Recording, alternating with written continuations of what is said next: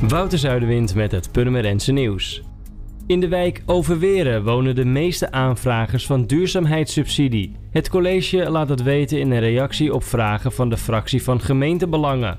Bram Buskoop is het al langer niet eens met de subsidieregeling. Inwoners van de stad kunnen een vergoeding krijgen als ze duurzaamheidsmaatregelen treffen aan hun woning. Volgens Buskoop leidt dat ertoe dat vooral permanenders die toch al geld hebben om hun woning aan te passen, bij de gemeente aankloppen voor gratis geld. De subsidieregeling was dit jaar zo populair dat de beschikbare 230.000 euro inmiddels op is. Met name vanuit de wijk Overweren melden zich aanvragers.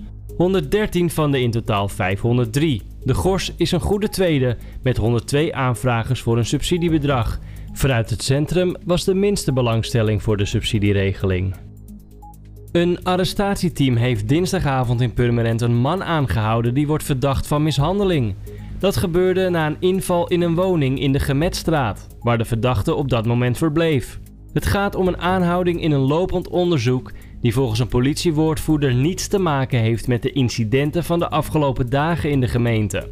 De verdachte wordt verdacht van mishandeling in de relationele sfeer, maar over het slachtoffer is niets bekend. En dit weekend geen verkeershinder op de A8. De wegwerkzaamheden richting Amsterdam van de aansluiting N246 tot de oprit Dijk gaan dit weekend niet door. De weersverwachting is te slecht. Door de verwachte lage temperaturen kan er niet succesvol geasfalteerd worden.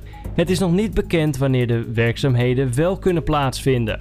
De werkzaamheden zijn onderdeel van het groot onderhoud aan de Rijkswegen in Noord-Holland. Voor meer nieuws, kijk of luister je natuurlijk naar RTV volg je onze socials of ga je naar rtvpurmerend.nl.